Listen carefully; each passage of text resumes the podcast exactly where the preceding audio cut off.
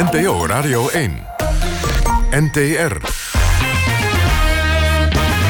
Kwesties met Marianne van den Anker en Rob Oudkerk. Eh, Vrienden van de Radio 1, hartelijk goedenavond. Ook dit nieuwe jaar weer op het vertrouwde tijdstip.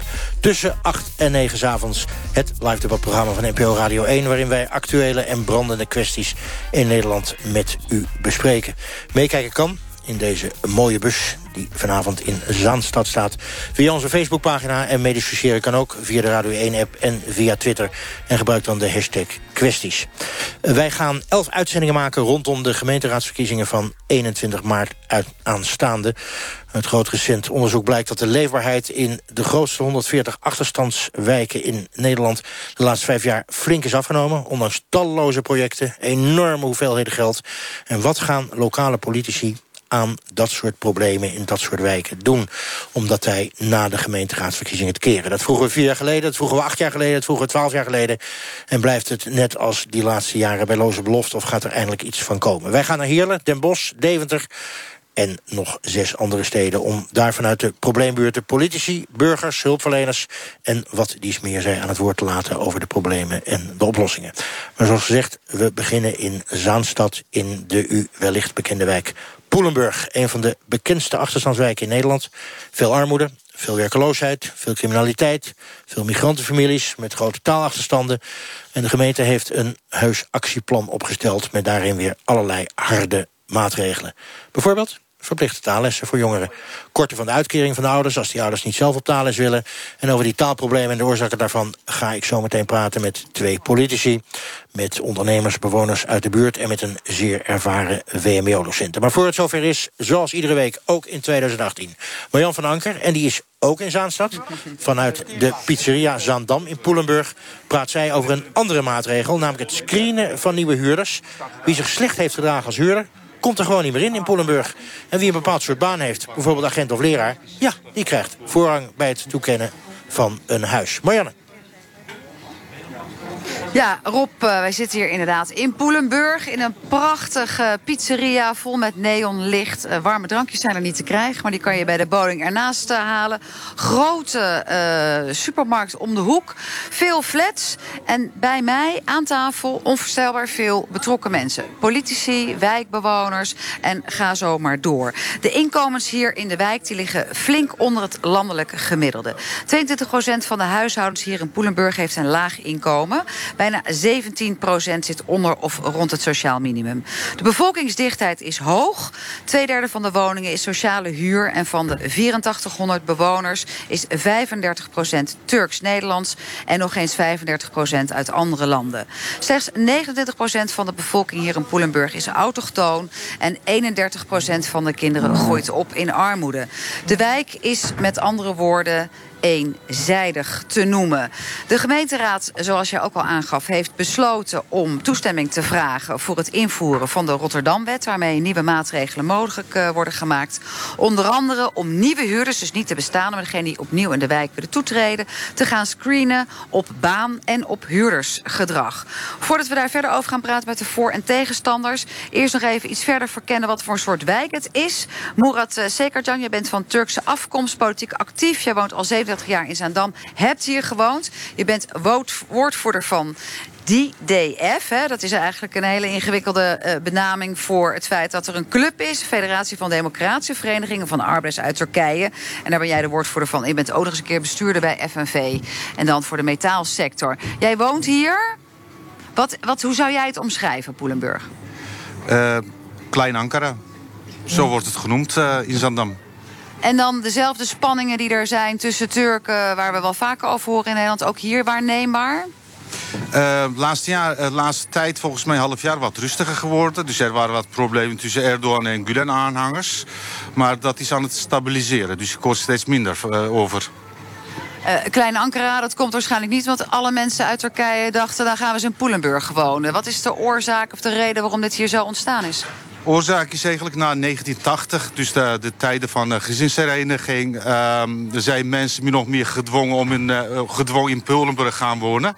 Dus dat was een actief uh, gemeentebeleid. Als je een Turkse achternaam had, nou ja, dan kreeg je gelijk een woning toegewezen in Pullenburg. En als je dat niet wou, dan waren ze totaal verbaasd. Nou, jullie willen toch allemaal in Pullenburg, was, was een beetje de houding daar toen. Ja, jij zegt het bij de glimlach, maar je zei ook het woord... je werd gedwongen of de woning werd aangewezen. Uh, dat klinkt een beetje als uh, uh, zwaar deportatiebeleid. Maar dan in Poelenburg, binnen Zaandam, moet je daar gaan wonen... als je een Turkse achternaam hebt. Ja, Nederland is natuurlijk Nederland is een land... die weinig kaas heeft gegeten van integratie. En dus ze wisten niet hoe ze moesten omgaan met al de gastarbeiders. Dan maar wegstoppen in Poelenburg was een van de oplossingen toen. Maar goed, dan kan je zeggen, uh, want mensen zijn uiteindelijk lang gebleven, Moerad. Die hadden zelf ook kunnen gaan integreren. Dat is waarschijnlijk niet gebeurd. Want het is nog steeds eenzijdig en er wordt niet zo heel veel Nederlands gesproken in deze wijk. Ja, nou ja, goed, mensen werden van twee kanten gek gehouden. De Turkse staat die, gaf het idee, nou ja, jullie gaan vijf, zes jaar naar Europa... en dan komen jullie rijk weer terug. En Nederland heeft dat bevestigd. Jullie zijn tijdelijk, tijdelijk maar in dit land, dus waarom moet je dan integreren? Ga maar naast lekker andere, naast andere Turken wonen, komt helemaal goed. Maar we hebben het wel over de jaren 60 en we leven inmiddels in de volgende eeuw. Bijna 60 jaar later, 2018. Ja, maar goed, alleen dat idee van uh, gastarbeider en we gaan ooit terug... nou, dat, dat, dat was heel dominant tot jaren 93, hoor. Ja, nog steeds. Nou, we gaan uh, snel naar de andere kant van de tafel. Daar zit uh, Gertjan Welgemoed. Hij woont al bijna 25 jaar in Poelenburg... en is naast fotograaf ook secretaris en woordvoerder van de klankbordgroep Poelenburg. Een groep van wijkbewoners die de gemeente kritisch volgt... bij het ontwikkelen van de plannen om de leefbaarheid van de wijk te verbeteren. Overdreven gesteld, uh, Gertjan, bent u als autochtone Nederlander... een minderheid in de buurt. Samen met iemand anders van, van de klankbordgroep die mee is gekomen... zijn jullie de laatste der Mohikanen. Hoe voelt dat? Nou, het is niet overdreven gesteld. Wij eh, behoren tot een minderheid van 30 procent. Op zich is dat voor ons geen bezwaar, maar uh, het, het, maakt het natuurlijk niet altijd even makkelijk met alle Poelenburgers op te trekken.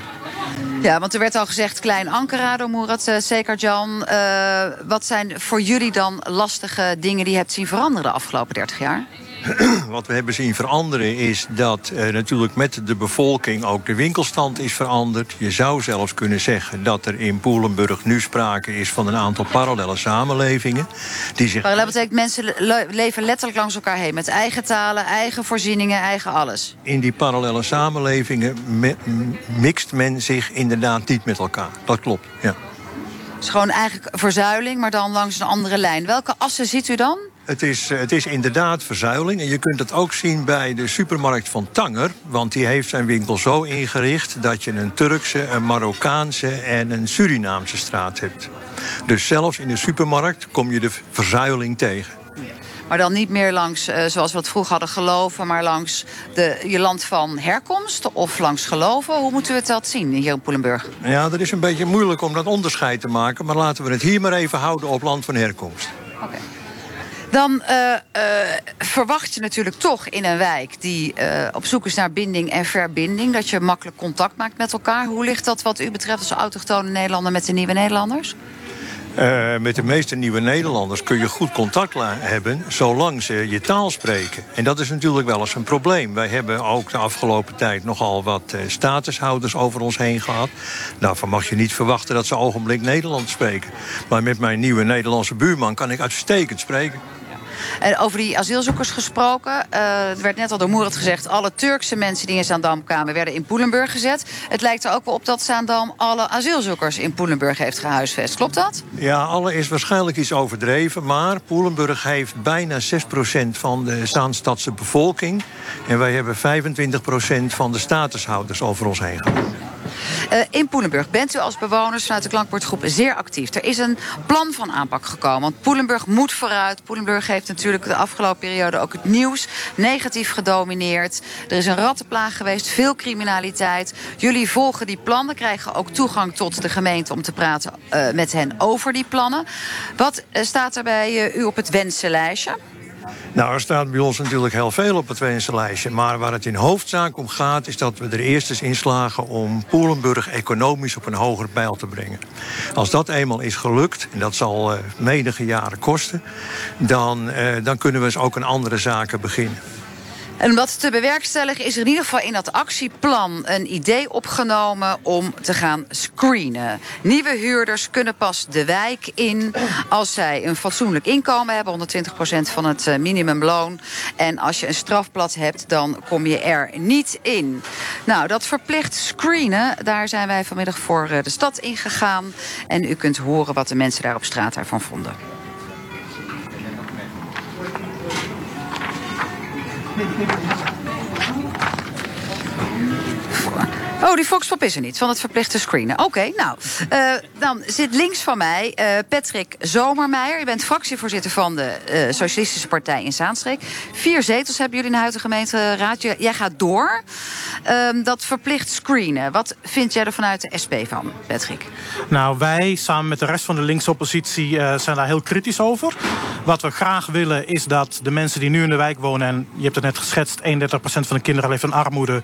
dat er wat gedaan wordt aan de armoede. En daar hebben eigenlijk dit college en de vorige colleges gewoon weinig tot niets aan gedaan. Ondanks voorstellen vanuit de linkse oppositie. Um, we zien ook wel graag dat er mensen met wat meer inkomen naar de wijk komen. Hebben wij ook laatst nog bij het debat hierover, over dat screen, een voorstel gedaan. Is laatst door de rest van de raad niet overgenomen. Alleen de linkse partijen waren daarvoor. Um, maar nu dat niet is gebeurd, is het kennelijk het enige wat we nog kunnen bedenken... is mensen gaan uitsluiten om die wijk in te komen. Waarmee ze dus eigenlijk de mensen die zelf slachtoffer zijn van de situatie... nu eigenlijk de zwarte piet krijgen. En het probleem is, er is al een wachtlijst van bijvoorbeeld 10 jaar... voor sociale huurwoning in Zaanstad. Uh, als je een deel van de sociale woningmarkt... die voor een groot deel zich bevindt in Poelenburg, afsluit... dan zal dus de druk op de rest van de wachtlijst en de rest van Zaanstad... alleen maar toenemen. En die vraag is hoog, want de mensen in Zaanstad zijn relatief uh, mensen met een inkomen. Um, dus we zien het eigenlijk alsof je uh, het slachtoffer de schuld geeft... en niets doet aan het reële probleem... namelijk de bestaande armoede, de bestaande werkonzekerheid van mensen in Zaanstad... en inderdaad de taal, de isolatie, de polarisatie. Dat aanpak. Dus jullie zijn tegen die screening, die invoering van de Rotterdam... met die wel door de gemeenteraad uh, is gekomen. Hein, hein, je zit tegenover mij. Je bent kandidaat raadzitter voor Democratisch Zaanstad. Jullie hebben drie zetels in de huidige gemeenteraad. Heel veel fans meegenomen. De campagneleider zit erbij, die zelf overigens in Poelenburg woont. Uh, voor de meeste mensen die uw partij niet kennen, het is een lokale partij. Uh, is het vergelijkbaar met Leefbaar Rotterdam bijvoorbeeld? Uh, nou, wij zijn niet vergelijkbaar met Le Leefbaar Rotterdam. We zijn wel een liberale partij. ja, bestaan uit drie raadzetels. En een, een, lokale partij. Overigens voor alle luisteraars. De lokale partijen hebben de meeste, de meeste uh, zetels in heel Nederland eigenlijk. Hè? De lokale partij als het gaat over de gemeenteraadsverkiezingen. Dus hou ze allemaal in de gaten. Uw partij is wel voorstander van het screenen. Waarom? Um... Waarom bent u wel voorstander van het screenen? We gaan het even vragen aan de, de campagnevoorzitter. Nou, het grote probleem is dus inderdaad de eenzijdigheid van de wijk. En wat dus net ook al de heer Welgemoed uh, vertelde. Je moet hem uh, gaan openbreken, die wijk. En alleen op die manier krijg je zover dat er, als er ook andere inkomensgroepen worden... dat er een betere verdeling komt in die wijk. En dan, krijg, uh, ja, dan krijg je ook een soort ehm, een zwengeleffect... dat ze elkaar aan zullen zwengelen. Je zegt juist om die eenzijdigheid te doorbreken... moet er een andere menging komen. Hein, wat wil je erop aanvullen? Ja, vanuit. Uh, ja, dat kan. Maar we gaan ook nog eventjes naar de klankbordgroep. Want u zei ook al, economie is voor ons belangrijk en uh, zelfredzaamheid. Dat screen, is dat voor jullie ook relevant vanuit de klankbordgroep? Juist wel of juist niet doen? Ja, het, het, idee wordt nu gelegd als of we in Zaanstad nu voortaan iedereen met een bedenkelijk tintje of een slecht inkomen weigeren. Dat is natuurlijk niet zo. Het gaat voor de beide wijken over slechts 220 huurwoningen die dan op een andere manier verdeeld zouden moeten worden. En eh, wat ons betreft is er niets op tegen om die woningen te reserveren voor mensen met een iets beter inkomen. Ja. En daarbij ook dat voorkeursbeleid voor agenten en leraren? Nou, dat hoort u mij niet zeggen. Ik vind dat dat ook te ver gaat. Je moet je gewoon afvragen welke mensen kunnen Poelenburg op een hoger niveau brengen. En of dat dan agenten, leraren of studenten zijn, dat is wat ons betreft om het even. Maar u zegt er moet meer kansrijkheid in, meer waarde. Nou, Patrick, dat uh, moet jou toch aanspreken vanuit de SP? Uh, absoluut. Voor ons gaat het erom een sociale stijging te realiseren... die door eigenlijk alle voorgaande colleges al tientallen jaren is beloofd... maar niet is waargemaakt. De reden ook waarom in Poelenburg allerlei mensen van allerlei afkomsten... vertrouwen in de politiek helemaal kwijt zijn. Dus wij vinden dat dat masterplan alsnog moet worden opgepakt. De belofte moet worden waargemaakt. Waar die miljoenen aan zijn besteed, weten wij nog steeds niet. En DZ heeft daar overigens ook terecht vragen over gesteld. Want wat is daar in godsnaam mee gebeurd? En de mensen nu zijn de pineut. Want er is renovatie van flats, maar dat is vaak alleen aan de buitenkant. Dat is de buitenkant. En van binnen nog steeds schimmel, nog steeds armoede. En nog steeds iemand, als wij daar langs gaan... we zijn bij honderden mensen langs geweest... die geen Nederlands spreken. En dan was er dus tot begin dit jaar niet eens taalles in de wijk. Nou, dat zijn de dingen die achter de voordeur gebeuren. Wij gaan nog even naar buiten de voordeur. En terug naar het moment van vanmiddag waarbij wij vroegen aan de mensen op straat... wat zij vinden van het door de gemeenteraad aangenomen idee... om verplicht te gaan screenen als je een huis wil gaan bewonen in Poelenburg. Screen op inkomsten, gaat dat te ver? Ja, zeker weten. Gaat zeker te ver. Iedereen moet een nieuwe kans hebben. Dus ook uh, degene die uh, dan even wat minder inkomen hebben... moet ook een nieuwe kans hebben. Dus ik denk niet je mensen moet aansluiten? Nee, dat vind ik niet kunnen. Het is zo'n beetje echt een groep aan één kant uh, duwen. Uh, nou, we mogen allemaal hier wonen en uh, iedereen kan hier uh, wonen. Dus het is terecht dat dat je vrij kan blijven wonen. Ik denk wel dat er een bepaald beleid moet zijn om te kijken van... Uh, passen deze mensen wel in de omgeving? Want er is natuurlijk, ik woon al heel veel jaren hier in Zandam. En vroeger was het echt zo'n dumpplaats van mensen die uit een ander buitenland kwamen. Die werden daar bij elkaar in de wijk geplaatst. En uh, dat heeft waarschijnlijk toch niet zo goed uitgepakt. Dus als daar wat meer differentiatie in zou komen... dan zou dat wel heel goed zijn, denk ik. Ja, ik vind hier gewoon overal zijn gewoon genoeg mensen met genoeg geld. Dus ik vind dat ze gewoon in Poelenburg ook gewoon, ja, gewoon... Zo mag het wel blijven, vind ik. Je ziet, je ziet hoe makkelijk dat is. Nu is het zo, Gert-Jan, dat jij al aangaf uh, vanuit de klankbordgroep... voor die 220 woningen zijn wij niet tegen screening. Uh, maar dat screening kun je op een bepaalde manier laden. Het kan gaan om inkomen, het gaan, kan gaan om strafblad... het kan ook gaan om etniciteit. Hoe uh, concreet durf jij te zeggen waar die uh, screening wat jou betreft over moet gaan? Het hoeft voor mij helemaal nergens over te gaan... als het maar zo is dat we de wijk economisch omhoog brengen. En waar die mensen dan vandaan komen, als ze de taal spreken... en ze hebben een redelijk inkomen... waardoor het hele economische niveau in de wijk wat omhoog gaat... is het voor ons goed. De wijk heeft uh, uh, ook ten aanzien van problemen achter de voordeur... natuurlijk heel veel uh, op te lossen. Maar als je kijkt naar kansrijkheid, kansrijke wijk van maken. Er zijn natuurlijk ook veel meer steden in Nederland die al werken met het screenen van nieuwe bewoners. Dat ligt altijd even gevoelig. Uh, maar vanuit de lokale politiek willen jullie daar nog iets uh, aan toevoegen wat, wat jullie betreft de goede richting zou zijn voor uh, wat betreft dat screenen. Hein? Nou, als je kijkt, dan zie je dus dat screenen in Rotterdam geholpen heeft. Je ziet een verbetering in die wijk. En dat moeten we in Poelenburg ook aanpakken. We hebben natuurlijk de grote stap gemist uh, toen wij dus het masterplan Poelenburg hadden... dat door de gemeenteraad destijds werd afgefakkeld en uh, niet door is gezet. En wij als DZ en ook de SP met de heer Zomermeijer... wij wilden dat doorzetten en ook nu zijn, zijn we ermee bezig geweest. En alle ellende die we vorig jaar gehad hebben met de wijk... heeft één ding betekend, dat we wel weer op de kaart staan... en ook weer op de politieke agenda staan. En uh, wij verschillen misschien iets van mening hoe we het moeten veranderen... maar we willen allemaal wel veranderen. En dat is het belangrijkste wat eruit voortgekomen is. Nou, ten aanzien van die wijk die weer volop uh, in het nieuws uh, staat... kan je ook zeggen, Poelenburg heeft een slecht imago gekregen. Zeker door de vlogger, woorden als Klein Ankara. Het is hier niet best gesteld. Nou, zie je altijd dat als je op pad gaat en bewoners spreekt... dat er een andere kant zit ook aan dat slechte imago. Um, ja, mensen hebben ons dat gewoon in alle ruimte en vrijheid verteld. Luistert u even mee? Het is net een wijk als alle andere wijken. Het is alleen een beetje negatief naar buiten gebracht. Maar voor de rest het prima naar ons zin hier. Een enorme diversiteit van, van mensen natuurlijk. Meer dan in andere wijken misschien. En, en wat meer mensen in de, in de bijstand en zo. Maar dat maakt niet zo uit. Ik vind het een leuke wijk omdat, omdat je hier heel veel vrienden maakt. En je hebt een hele, heel veel leuke sporten. Dus dat mensen juist overdrijven dat er echt een heel groot probleem is en er moet verandering komen. Maar ik vind dat het uh, ja, wat overdreven wordt eigenlijk. Op, nieuws misschien. Of door mensen. Als je niet zou weten dat het uh, was, dan zou je gewoon denken, ja, het is gewoon een doodnormale wijk. Ik denk dat, dat dat het nieuws juist invloed op jou zal uitoefenen. En dat jij, de manier hoe jij dan kijkt naar de wijk, dat gaat veranderen. Dat is wat ik denk. Dus als, je dan een, eh, als ik nu bijvoorbeeld een, eh, een groepje jongeren zie op straat... dan denk ik van, oh, het zijn gewoon een paar jongeren die daar aan het chillen zijn of zo. Maar stel, ik volg alleen maar het nieuws en ik zie van... oh ja, Poelenburg, uh, weet ik veel. Ik, ik noem maar wat. Uh, criminaliteit gaat omhoog dan kijk ik heel anders naar die jongeren dan dat ik uh, daarvoor zou doen. Snap je? En dat heeft een impact op mij. Dus daarom volg ik het niet altijd.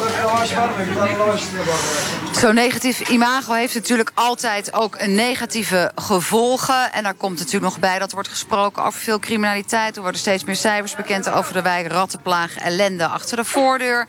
Kinderen die opgroeien in armoede. Ja, wie wil er dan wonen in zo'n wijk? Stel dat die screening er doorheen komt. Is het dan aantrekkelijk zat? Moerat Zekertjan, wat kan jij daarover zeggen? Of het aantrekkelijk is om in de wijk te wonen. Nee, ik denk dat het helemaal niet aantrekkelijk is om in de wijk te wonen. Voor de, vooral voor de autochtonen is dat al jaren niet meer aantrekkelijk. En dat snap ik. En voor de middenstanders helemaal niet. Want als de, de middenstanders die zijn allemaal vertrokken. Maar heeft dat screen dan wel zin? Want daar wil je eigenlijk andere mensen naartoe trekken... die meer uh, waardevastheid in hun portemonnee hebben. Er is onvoldoende aanbod aan uh, woningen.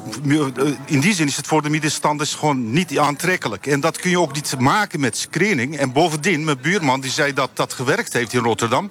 Dat is echt fake nieuws. Dat is niets anders dan een propaganda van Leefbaar Nederland. Want dit heeft de wijken niet socialer gemaakt en niet leefbaarder gemaakt. Ze moeten zich kapot schamen. En bovendien, ik heb een hele sterke associatie met screening. Met de Tweede Wereldoorlog, de Rotterdamwet. Volgens mij is dat een methode die gewoon gebruikt is door de neonazies... om uh, deportaties in de Tweede Wereldoorlog uh, vereenvoudigen. En belachelijk dat een linkse partij zoals PvdA zich laat gek maken en zich inzet voor zo'n belachelijke wetgeving. Nou, dat is uh, stevige handel. Wie van uh, de voorstanders van het screenen wil daarop reageren? Ja, vanuit uh, de lokale partij. Ik vind het een beetje overdreven om dit meteen met Nazi-Duitsland te gaan vergelijken. Uh, het enige wat we willen is die wijk op een hoger niveau brengen. We moeten niet vergeten, het is van oorsprong een arbeiderswijk. Neergezet voor arbeiders van Bruinzeil, van andere grote Zaanse bedrijven. En er hebben, toen ook, er hebben toen geen problemen gespeeld. Je moet die wijk gaan mixen. Ze zijn nu ook bezig. Er komt een hele nieuwe wijk naast. Uh, met allemaal huizen in het betere segment. Om proberen hogere inkomensgroepen in die wijk te krijgen. Het punt wat Murat wil maken is, de wijk gaat op slot. U komt er niet meer in. Dat heeft... wat hem betreft associaties met jodensterren, et cetera. Daar moet u op reageren, wat u daarvan vindt vanuit Democratische Aanstad. Daar ben ik een groot tegenstander van. Het is niet helemaal niet zo dat het een uh, ghetto wordt. Juist door die wijk open te breken en open te stellen voor andere mensen... andere inkomensgroepen, haal je die wijk open. Juist als je niets doet, wordt het een ghetto. Goed. Uh, vanuit de klankbordgroep uh, Poelenburg iets aan toe te voegen? Ja, we hebben het uh, in totaal over 220 woningen... waarvan er straks uh, bijna 100 in uh, Poelenburg staan. Het is niet zo dat we iedereen tegenhouden die Poelenburg in wil. We willen alleen voor een aantal, en er is nog maar een heel beperkt aantal woningen... een aantal mensen zien te vinden die het economisch iets beter hebben. En dan kun je ook je winkelstand weer op peil brengen. Albert Heijn is niet voor niks uit de wijk vertrokken... want die legde twee ton per jaar op zijn winkel toe. Maar de mensen die tegen de screening zijn, zoals de SP uh, met Patrick uh, Zomermeijer en Murat Sekertjan, die gebruiken heftige woorden. Die zeggen, ja, Poelenburg. Ja, ik wil er wat over zeggen.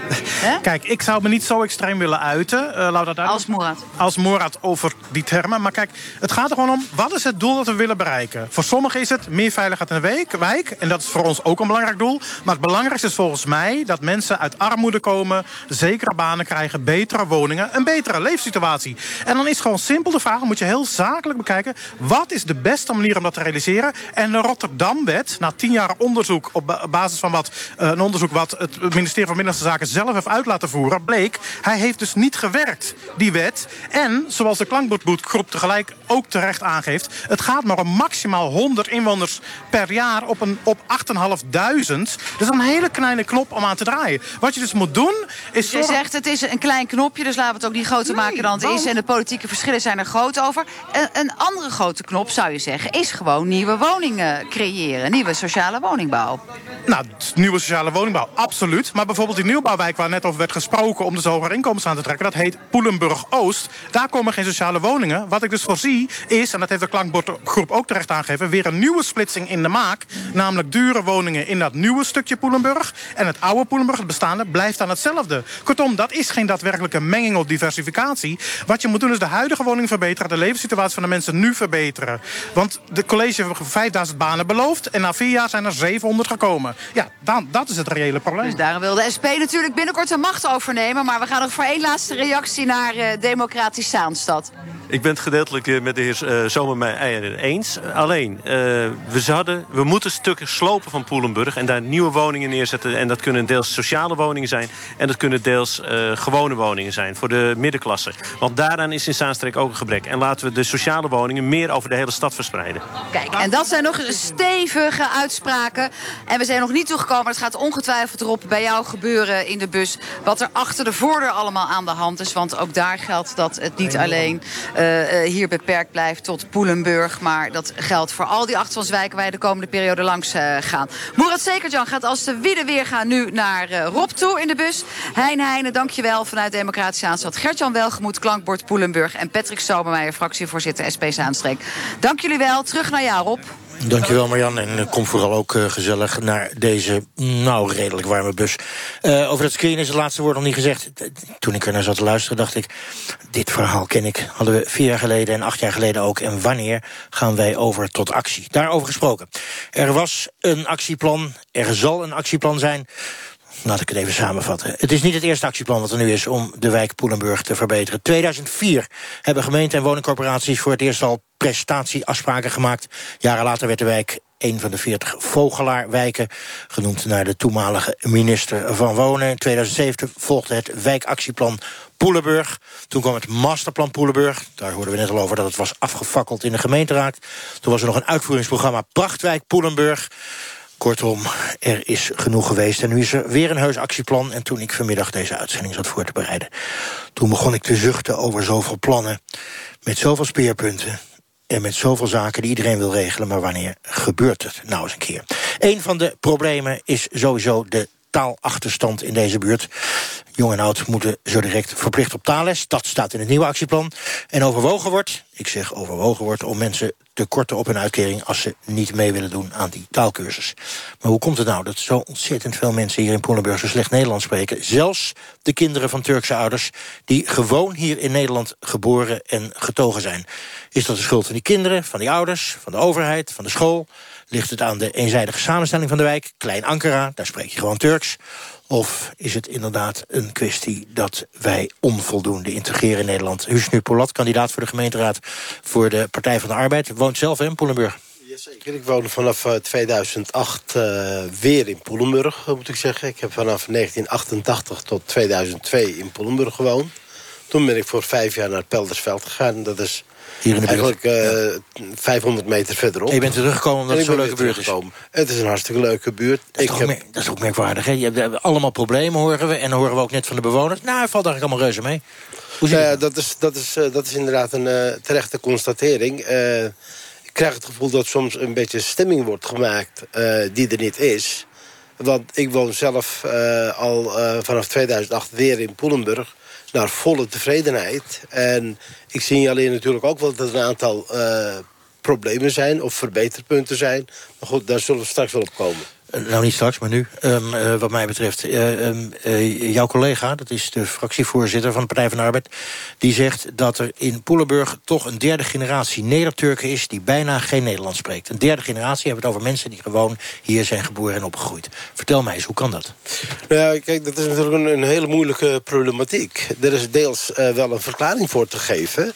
Um, als we kijken naar hoe de situatie vaak thuis is... De ouders hebben uh, vaak Nederland, uh, Turkse televisie aan. Daar wordt Turks gesproken. Thuis spreken ze nog eens Turks. In de vriendenkring wordt nog een keer het Turks gesproken. Waardoor het Nederlands eigenlijk uh, verwaarloosd wordt. En ik zie dat ook aan een aantal vriendjes van mijn zoontje. Die is zelf 15 jaar. En dan merk ik dus dat er echt heel belabberd Nederlands wordt gesproken. Tenzij dat straattaal is. Maar goed, dat, dat ben ik niet zo goed in. Maar ik merk wel dat in elk geval in de grammaticale uh, opbouw van hun zinnen...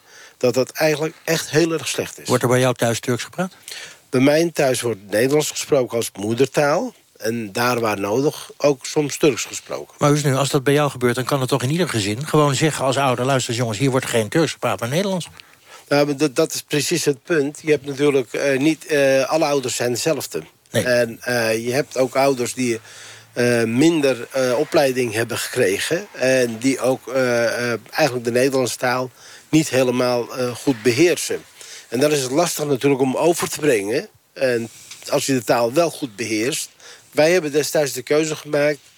Nederlands is de moedertaal van onze kinderen. Dat is de basis, daar gaan we ook aan werken. Nou ben jij politicus, dus vraag ik je gewoon rechtstreeks politicus. Vind je dat iedereen die hier in Poelenburg woont... datzelfde adagie moet hebben?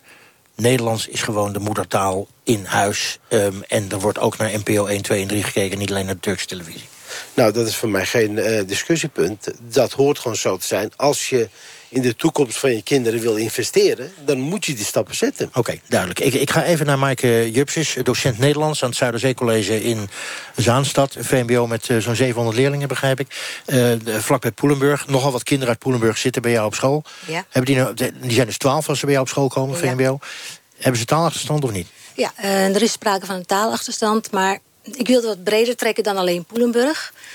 Want eh, als je het hebt over bijvoorbeeld laaggeletterdheid... dan is het natuurlijk een veel groter begrip dan alleen hier in Poelenburg. Dat speelt in heel Nederland. Hè? Als je kijkt naar de cijfers, dan zie je dat 1,3 miljoen Nederlanders eh, laaggeletterd zijn. Oké, maar als de spoeling dunner is, maakt het het probleem nog niet minder natuurlijk. Nee, nee, nee. nee. Je ziet ook dat la- de laaggeletterdheid bij vooral buitenlandse gezinnen wat toeneemt. En dan is natuurlijk de vraag, wat ga je daaraan doen als school? Maar even, want je, je- je- ik sprak je net voor de uitzending... je zegt, ik heb al twaalf jaar ook op een ander VMBO eh, lesgegeven... dus je bent een zeer ervaren docenten. Dat moet toch raar zijn als je kinderen op school krijgt...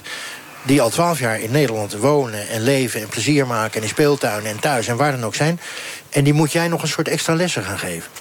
Nou ja, geen extra lessen. We moeten ze gewoon lesgeven. En het, een feit is dat leerlingen met een, eh, een achterstand op school komen. Dat heeft te maken met een taalarm of een taalrijk milieu. Eh, er is een groot verschil in, woordenschat. Eh, kinderen uit een taalrijk milieu komen met zeg maar 18.000 woorden op, bij ons op school. En kinderen uit een taalarm milieu komen met, een, met, met zo'n 1000 of 10.000 woorden. Dus bijna een, een, dubbel verschil tussen. En dat dubbele verschil, dat komt inderdaad door hoe het... waar ik het net met Huus nu over had... ho- hoe dat thuis zich gevormd heeft. En op de basisschool. Ja, dat kan. Ja. Dat kan. Nou ja, er zou geen andere reden kunnen zijn, toch? Of wel? Dan dat het thuis en op de basisschool gewoon minder goed geleerd en gedoseerd wordt. Ja, dat is een feit. Dat is een feit. Maar eh, jullie op het VMBO, en dat geldt natuurlijk ook voor het VWO... gaan jullie dan niet massaal de straat op om te zeggen... luister jongens, dat moet veranderen. Want wij krijgen op hun twaalfde krijgen we leerlingen die gewoon die taal niet beheersen. Nou ja, wij moeten roeien met de riemen die we hebben. Dus wij krijgen leerlingen binnen en eh, daar gaan we mee aan de slag. Want we probe- proberen niet echt naar de problemen te kijken... maar met juist meer oplossings- oplossingsgericht bezig te zijn. Dus wij, eh, wij hebben allerlei projecten om, eh, om met die leerlingen aan de slag te gaan. We zijn bijvoorbeeld dit jaar Nou, gestart heb met... Ja? Nou, ik begrepen dat, dat eh, de- niet zozeer taallessen door jou extra worden gegeven... maar wel extra verplichte leeslessen voor kinderen uit Poelenburg. Wat is dat dan precies? Ja, dat is niet iets wat bij ons op school speelt. Speelt, Daar- speelt niet bij jullie op school? Nee, nee dat, is- dat is waar ik nog nooit van gehoord heb. Oh, dat dacht ik, dacht dat dat hier in Poelenburg gebeurde. Maar wat zou nou...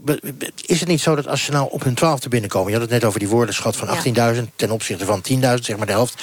Ehm, wanneer zou je eigenlijk moeten gaan ingrijpen? Is het niet gewoon te laat op het twaalfde? Moet dat veel eerder? Ja, dat moet veel eerder. En daar heeft het ministerie ook allerlei actieplannen voor bedacht. Hè. Ze hebben het- het plan Tel mee met taal. En daar zijn allerlei eh, eh, projecten uit ontstaan. En een van de projecten is ehm, eh, een doorlopende leeslijn. Die begint al in de voorschoolse periode. Dus als de kinderen op de peuterzaal zitten en op de kleuterschool... en vervolgens in het basisonderwijs en in het voortgezet onderwijs. Want lezen is een van de, allerbelangrijkste dingen... om ervoor te zorgen dat kinderen een grotere woordenschat krijgen. En eh, door lezen maak je ook heel veel verbinding in de hersenen... die ervoor zorgen dat je taalschat groter wordt. En eh, nou ja, als je betere taal hebt, dan red je natuurlijk uiteindelijk beter in de maatschappij. Dat is de bedoeling. Oké, tot zover even over die taal. Ehm, ik ga even naar uh, Nahide Seen, onderneemster. Uh, was jij hier in Poelenburg? Volgens mij had je een beauty salon. Hoe lang heb je die hier gehad? Uh, nou, ik ben begonnen in 2012. Ja. En vanuit huis, officieel. En ik had een kleine ruimte waarin ik uh, ben begonnen. En uh, daar ben ik dus uitgegroeid.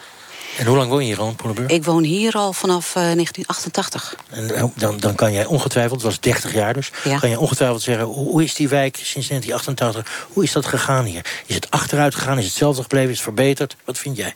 Het is niet verbeterd. Het is alleen, alleen maar eh, achteruit gegaan. En wat is er dan achteruit gegaan? Wat er achteruit gegaan is, eh, zo van dat de wijk, zo, zo zoals iedereen dat weet. Hè, het, ook iedereen die eh, buiten Poelenburg eh, woont en die komt de eh, Poelenburg binnenlopen, de wijk, ziet dat het gewoon heel. Nou, het is nu een beetje opgeknapt natuurlijk. Maar voorheen was het zo van dat het heel erg was verloederd. Hè, achterstallig onderhoud, zowel de straten als de woningen. En ja, de buurt, dat ging alleen maar achter. Dat was al niet zo eh, goed onderhouden. En het is alleen maar verslechterd. En eh, ja, Vind jij dat de gemeente heeft laten sloffen? eh, ja het, het zal natuurlijk, dat zal zijn deel ook natuurlijk hebben. Zij ze heel voorzichtig. Ja, nee. nee, het is natuurlijk wel zo van dat en de gemeente en de woningcorporaties en eh, ja, wat voor eh, corporaties dan ook, eh, die zijn aandeel hebben daarin. Oké, maar uiteindelijk is het de gemeente die met al die plannen natuurlijk verantwoordelijk is. Ja. En daar is Ja. nog niet al te veel van gekomen. Annemarie van Nieuwamerongen, Oosterkamp, fractielid van de VVD. eh, jarenlang op de grens van Poelenburg gewoond, als ik goed geïnformeerd ben. Ehm, is Poelenburg nou gewoon klein anker aan, Turkse wijk? Klopt dat nou? Want Zo, inderdaad een belangrijke vraag. Als je, het ligt eraan wie het vraagt, inderdaad. Als ik kijk inderdaad naar de hoeveelheid Turken die er wonen... denk ik, nou, inderdaad, het is overhand bijna. Maar om het klein Ankara te noemen, dat vind ik zelf eigenlijk te ver gaan. Oké, maar dat is maar een benaming. Laat die benaming even zitten. Eh, eh, heel veel Turkse bewoners in ieder geval. Ehm, ik heb het net met je collega Huus nu gehad over die taalachterstand, zelfs bij de derde generatie. Is het niet zo dat we door zo'n wijk zo te maken, dat we generatie op generatie op generatie eigenlijk dezelfde problemen aan het doorgeven zijn aan elkaar? In feite wel. Dat merk je ook van dat bepaalde ouders dat ook gewoon zeggen. Die zeggen ook van ja, kijk, ik ga met mijn kinderen naar school. Er wordt gewoon Turks gesproken.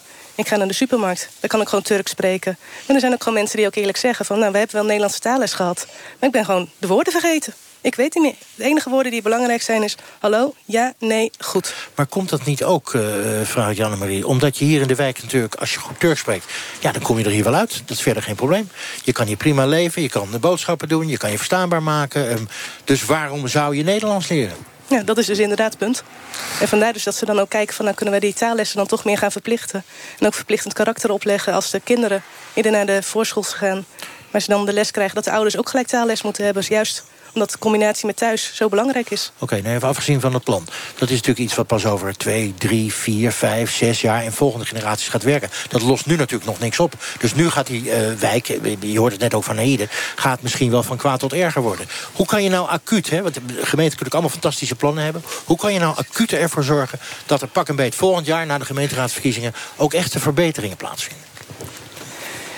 Door gelijk goed actie onder te ondernemen. Dus niet te wachten en nog eens een keer inderdaad de plannen te kijken. Maar ook gewoon te kijken gelijk van wat is er aan de hand. En dat ook te evalueren. Zo zijn er plannen geweest. Nou, er is een wijkteam wat met 22 personen heeft gesproken. Die heeft ze vast uitgenodigd. En een aantal daarvan die konden naar werk geleid worden. Maar 13 daarvan die zouden dan naar taalles moeten. En alle 13 zijn ze niet opkomen dagen. Allemaal niet met een smoesje. Ja. En als ze niet opkomen dagen, wat moet je dan doen? Moet je ze dan gaan ophalen met de politie of met de ME of weet ik veel wat? Wat moet je doen? Nou, daar zijn dus ook inderdaad, eh, wordt naar gekeken. Van hoe ver mag je gaan? Hoe ver, nou, en hoe ver En mag voor je mij- gaan? voor mij mag je ver gaan. En wat is ver? Achter de voordeur Ja, en wat is achter de voordeur? Met wie? aanbellen en kijken van wat speelt er. En wie belt eraan? Degene van een wijkteam bijvoorbeeld. Geen van een wijkteam. En dan zegt zo iemand, ja, het spijt me, maar ik ga gewoon niet mee. Ja, maar ze hebben wel een plan ondertekend waarbij ze hebben gezegd van nou wij gaan taalles volgen. Ja, maar dan Dus zeg heb ik gewoon, maar nou ben ik even zo'n inwoner. Ik zeg, ga gewoon niet mee. Klopt. En dan? Ja, dan sta je met lege handen in feite. Ja, en dan je niks kun je dus verder kijken van nou kun je dan eventueel korten op een uitkering als dat speelt. Of welke andere maatregelen je dan hebt. Nou, dan kort je maar op mijn uitkering. Ik ga het niet doen. Klopt, die gevallen zijn er. En ik weet er dan ook van. Ja, eh, nou ben ik met dit, eh, eh, de voorganger van dit programma al een aantal keren in Poelenburg geweest. Dat was één op straat. Toen hoorde ik echt dezelfde dingen. En ik hoorde dezelfde plannen. En daarom kwam ik een beetje chagrijnig Poelenburg inrijden vanavond. Niet omdat het hier eh, niet eh, eh, leuk zou zijn.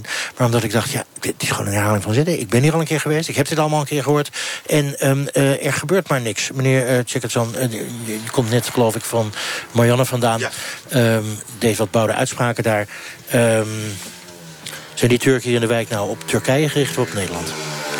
De Turkse mensen hier, die zijn vooral op Turkije gericht. Eh, kan ook niet anders. Eh, via, kan niet anders? Via Dianet en alles. Eh, ik denk dat de Turkse overheid meer invloed heeft op deze mensen hier dan de Nederlandse overheid. En dat Wacht even, hebben is ze- dat de bekende verlengde arm van Erdogan? nou ja, goed, je hebt allerlei Turkse instanties die, die zich vooral tegen integratie verzetten. Maar wacht, wacht even, probeer even goed te begrijpen. Betekent dat eigenlijk in deze wijk de, de, de gemeente Zaanstad minder invloed heeft dan allerlei Turkse organisaties? Klopt. Een soort eh, Eh, eigen bestuur? Ja, eigen bestuur en nog sterker. En eh, die worden ook nog gesubsidieerd. Denk aan Dianet. En eh, die hebben natuurlijk heel veel invloed op die mensen hier. Een staat in de staat. Ja. En eh, dat, is, dat, is, dat is niet alleen van nu. Dat, dat speelt al in 1980. Eh, zelfs begin jaren 1980 hebben gewoon de politiek gewoon gewaarschuwd. Let op, jullie zijn een ghetto aan het vormen.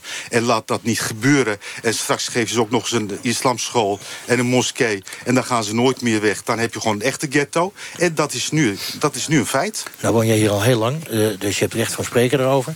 Over de wijk eh, in ieder geval. Je zegt er is al zo lang voor gewaarschuwd. Ik heb net aan het begin van de uitzending al die plannen voorgelezen. Althans niet die plannen voorgelezen, maar de titels daarvan. Hoe kan het nou dat het maar doorgaat zo? Straks staan we hier met diezelfde bus over twee jaar weer. Omdat eh, de Nederlandse overheid eh, niet leert van haar fouten en eh, zich herhaalt en herhaalt. Ehm, want, Hebben we het nu over eh, de lokale overheid of de eh, landelijke? Ja, nou ja, eh, beide eigenlijk. Maar ook op lokaal niveau zie je gewoon precies hetzelfde terug. Want ik vind het gewoon fantastisch, zo'n zo'n Rotterdam-wet. Alleen die, de bedenkers daarvan, wat ze zich vooral niet realiseren... dus daar, daar hebben we gewoon echt principiële bezwaren tegen... op grond van inkomen, op grond van kleur, op grond van leeftijd... mensen uitsluiten, dat is gewoon in strijd met artikel, met artikel 1 van je eigen grondwet, beste mensen. Dat kan toch niet waar zijn? En het is bovendien geen oplossing op, eh, op dit probleem. Want dan wil je een oplossing, dan zul je deze wijk echt gelijk met de grond moeten maken. Gelijk met de grond. Met de grond gelijk bedoel je. Ja. Ehm, Of andersom, ja. Of andersom, ja. Ja. Eh, en dan? Dat is nogal een bouwde uitspraak. Ik bedoel, plat gooien en opnieuw beginnen. Ja, ik zou gewoon al die deprimerende eh, eh, flatgebouwen hier... dus er zijn ook voorbeelden in de omringende landen... die Zoals in Amsterdam-Zuidoost hebben gedaan bijvoorbeeld Ja, bijvoorbeeld, dat zou helpen. Dus nou, breng mij maar in verleiding als middenstander... om weer terug naar Poelenbrug te komen. Oké, dan ga ik even ehm, ehm, jou als middenstander, maar ook gewoon als persoon aanspreken. Die verplichte taallessen. Of überhaupt dat mensen hier Nederlands moeten spreken. Thuis, achter de voordeur, voor de voordeur, op school. We hebben net gehoord dat ze op het VMBO toch ook een taalachterstand van de helft van het aantal woorden hebben gemiddeld. Is zo'n verplichte taalinburgering met korting op de uitkering niet gewoon heel erg rechtvaardig? Ik geloof niet in negatieve prikkels. Ehm, Oké, geef me een positieve prikkel. Eh, je moet met, eh, eh, wa- wat je gewoon moet doen, een positieve prikkel en een positieve prikkel. Je moet mensen belonen en niet straffen. Want dat is 1900 toestanden, daar geloof ik helemaal niet in. Eh, dat zeg ik met een beetje achtergrond als socioloog. Kijk, eh, wa- wa- wa- wat, je, wat je moet doen, je moet, je moet de boel gaan verspreiden. Daar hebben wij als eh, Turkse arbeidersvereniging in jaren 80 al gepleit. Jullie moeten gewoon de mensen verspreiden... Zodat mensen echt kunnen integreren. Oké, snap ik. Dat betekent niet alleen naar Poelenburg, maar over heel Zaanstad en over heel Nederland. Ik ga toch nog even terug naar die taal. eh, omdat het natuurlijk buitengewoon verbazend is dat ehm, als je in een wijk in Nederland woont. En je woont er al heel lang en je bent hier geboren. Ja, dan zou Nederlands eigenlijk gewoon je moerstaal moeten zijn. En dat moet je spreken. Dan kom je ook in eerste instantie vooruit. Eh, even vanmiddag de straat op gegaan om te vragen wat mensen uit Zaanstad eigenlijk vinden van die verplichte taallessen. Vind je wel dat je verplicht als je hier komt Nederlands moet spreken? Ja, dat moet gewoon bij Nederland, Nederland of Engels. Ik vind sowieso wel belangrijk dat als je naar een ander land gaat of, eh, of wat dan ook, dat je hem wel moet eh, aanpassen, vind ik. Ik vind wel dat je Nederlands, eh, de, de, de Nederlandse taal moet beheersen. Dat zeer zeker. Als je niet kan communiceren met elkaar, dan gaat het helemaal fout. Hoor ik jou nou eigenlijk zeggen, we zijn een vrij land... zoals jij de hele dag door Turks wil praten, praat je lekker Turks? Ja. Ja, mensen, het is wel Nederland toch, dus dan moet je wel met elkaar kunnen communiceren toch. Dus. Maar het is ook niet dat je helemaal perfect Nederlands moet spreken of zo, vind ik. Maaike Jupses, eh, als je dit hoort op straat, wat denk je dan? Dan denk ik, eh, deze mensen hebben gelijk. En waar hebben ze precies gelijk? En laten we het even de koe goed bij de horens pakken. Uh, nou, uh, beheersing van de Nederlandse taal is, is, een voorwaarde om te kunnen slagen in, op school en in de maatschappij.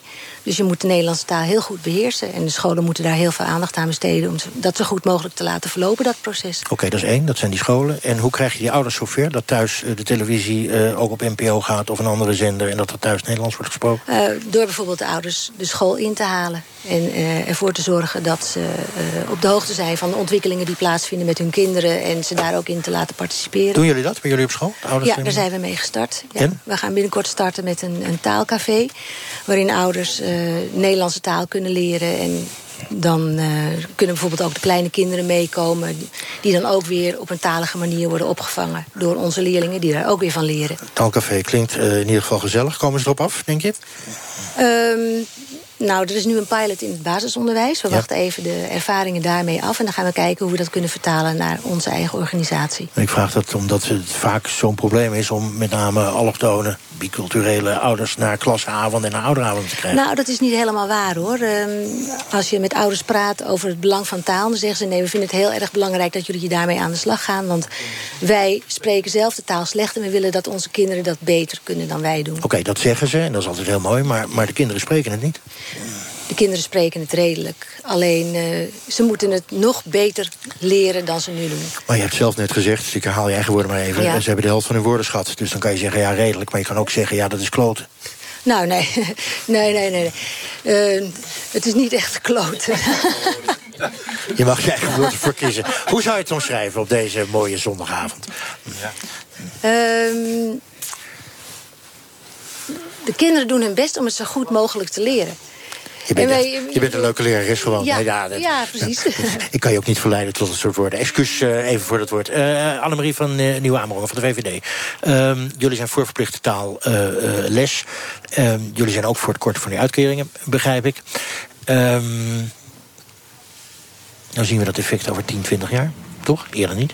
Sorry, je viel heel even weg door de auto die langs reed. de auto die langs reed. over 10 of 20 jaar zien we die effecten natuurlijk van die verplichte taallessen. Maar nu natuurlijk niet. Nu zie je het ook al. Nu zie je het ook al? Juist als kinderen met elkaar onderling gaan praten. En dan bijvoorbeeld met taalles thuiskomen. En dan ook verder gaan vertellen van... kijk eens papa, mama, ik heb nu dit en dat. En bepaalde woorden al gaan leren. Dat ze, als ze de supermarkt inlopen en dan ook al zeggen van... kijk, dit, ik zeg maar even heel simpel, dit is een appel. Zo, zo bazaal is het in feite. Nou heb ik even een uh, praktisch probleempje. Zijn er genoeg uh, docenten, genoeg leraren en leraressen... om die taal ook uh, aan die kinderen te leren? Hè? Om die, die extra taalles te gaan geven? Voor zover wij weten wel. Ik vraag het even aan de mevrouw tegenover. Zijn er genoeg, want het is weer een probleem... om al leraren en leraressen in het onderwijs ja, te krijgen. Precies. Ja, precies. wanneer moeten die leraressen dat gaan doen? Ja, nee, maar dat vraag ik aan jou. Ja. ja. En jij zegt ook, dat weet ik niet. Nee, dat weet ik niet. Met andere woorden... Daar zouden wij een oplossing voor moeten zoeken. Oké, okay, maar dan ga, kijk even naar VVD en PvdA, naar de politici in de bus. Hè. 21 maart, gemeenteraadsverkiezing, kan prachtige dingen ja. beloven. Kan prachtige dingen beloven. Maar je moet het natuurlijk wel waar kunnen maken. Niet of je het waar wil maken, want uh, dat geloof ik wel. Maar waar kunnen maken, daar heb je leraar en leraressen voor nodig. Hoe ga je, uh, vraag ik even aan vertegenwoordiger van de PvdA, dat oplossen? Nou ja, dat is natuurlijk inderdaad een, een hele grote uitdaging. Uh, we hebben jarenlang als politiek ook gezegd... Uh, er moeten uh, kleinere klassen komen, uh, meer leraren voor de klas. En dat is telkens niet gerealiseerd. En men heeft ook in de opbouw naar het opbouw, op, op, opleiden van leraar, leraren en leraressen... ook enorme eigenlijk fouten gemaakt. Want er werden veel te weinig mensen opgeleid. En men heeft de klassen alleen maar groter gemaakt. Okay. En de leraar en leraressen met veel administratieve taken opgezadeld... waardoor ze aan het echte lesgeven niet toekomen. Dat is weer een heel ander probleem, het probleem in het onderwijs. Maar eigenlijk kunnen we dus stellen dat welke VMBO-lerares dan ook... we hebben er toevallig één hier in de bus...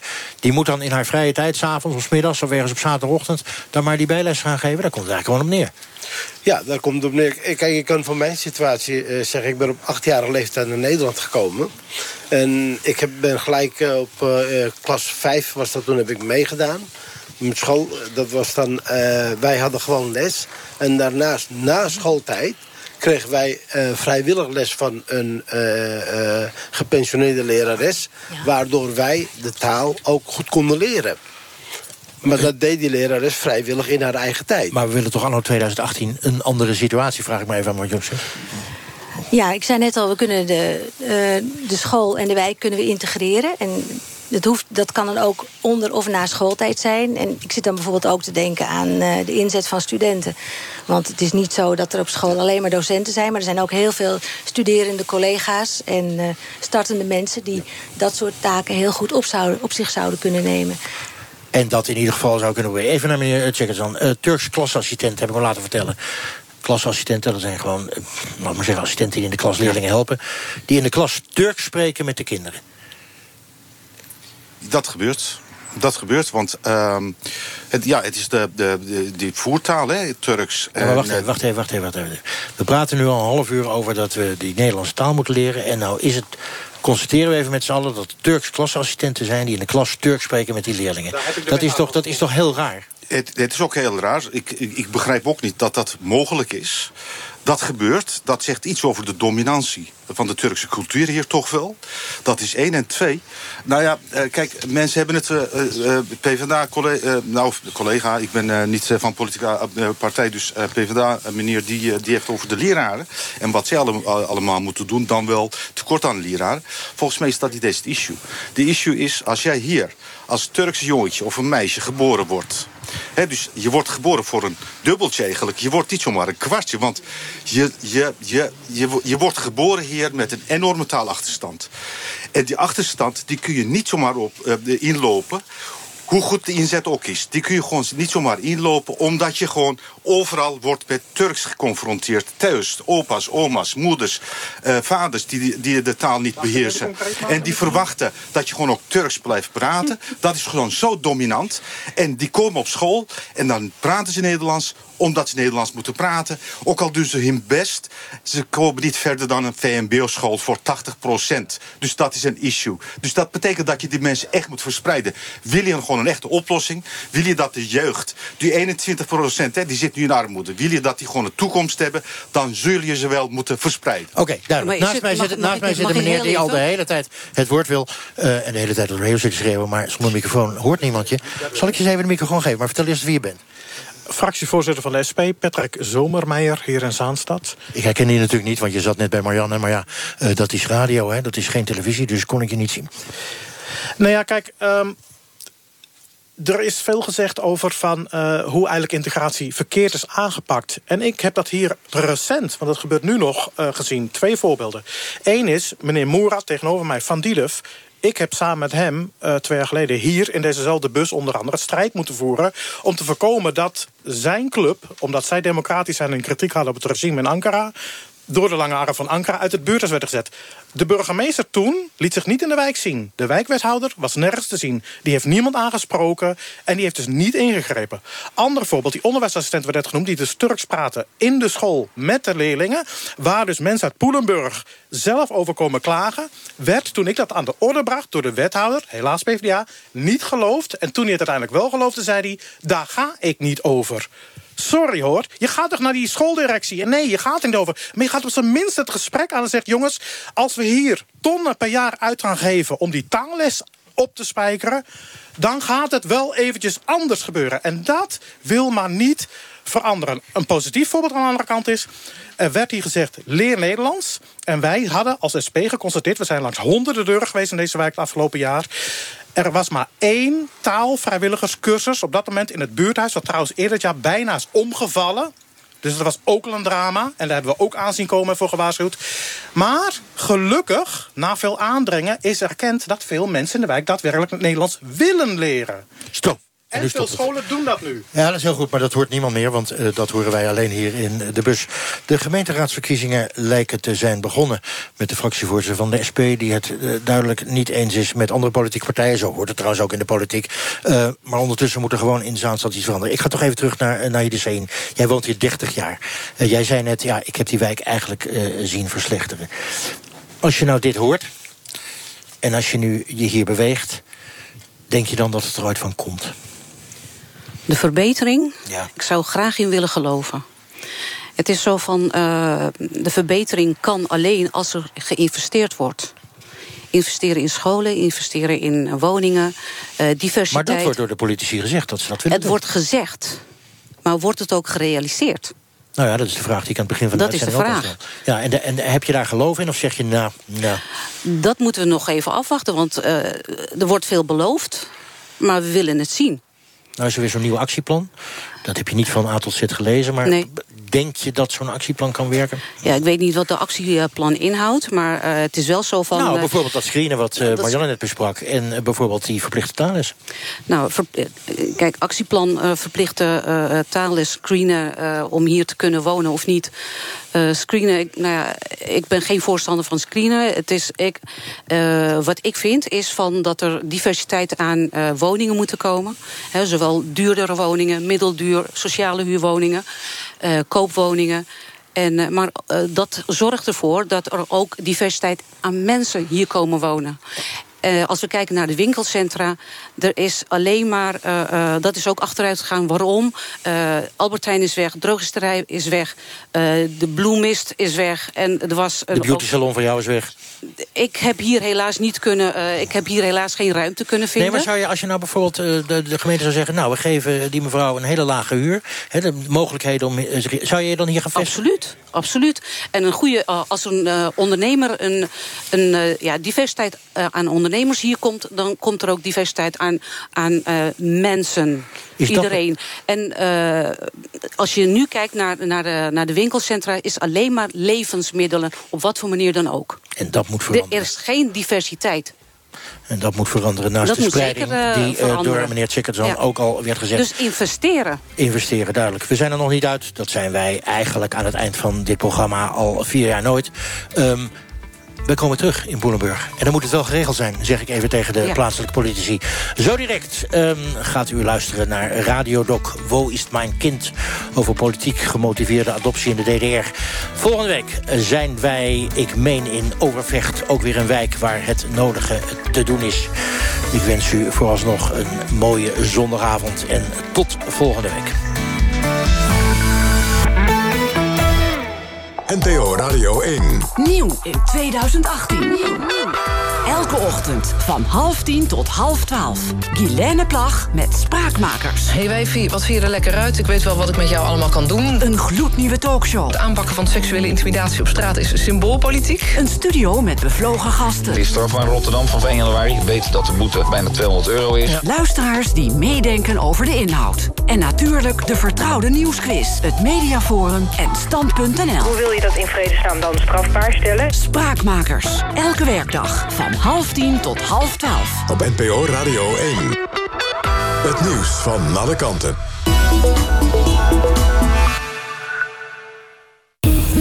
Bij Peugeot Professional doen we er alles aan om uw zaak in beweging te houden. Daarom is een Peugeot Professional Center ook na kantoortijden gewoon open.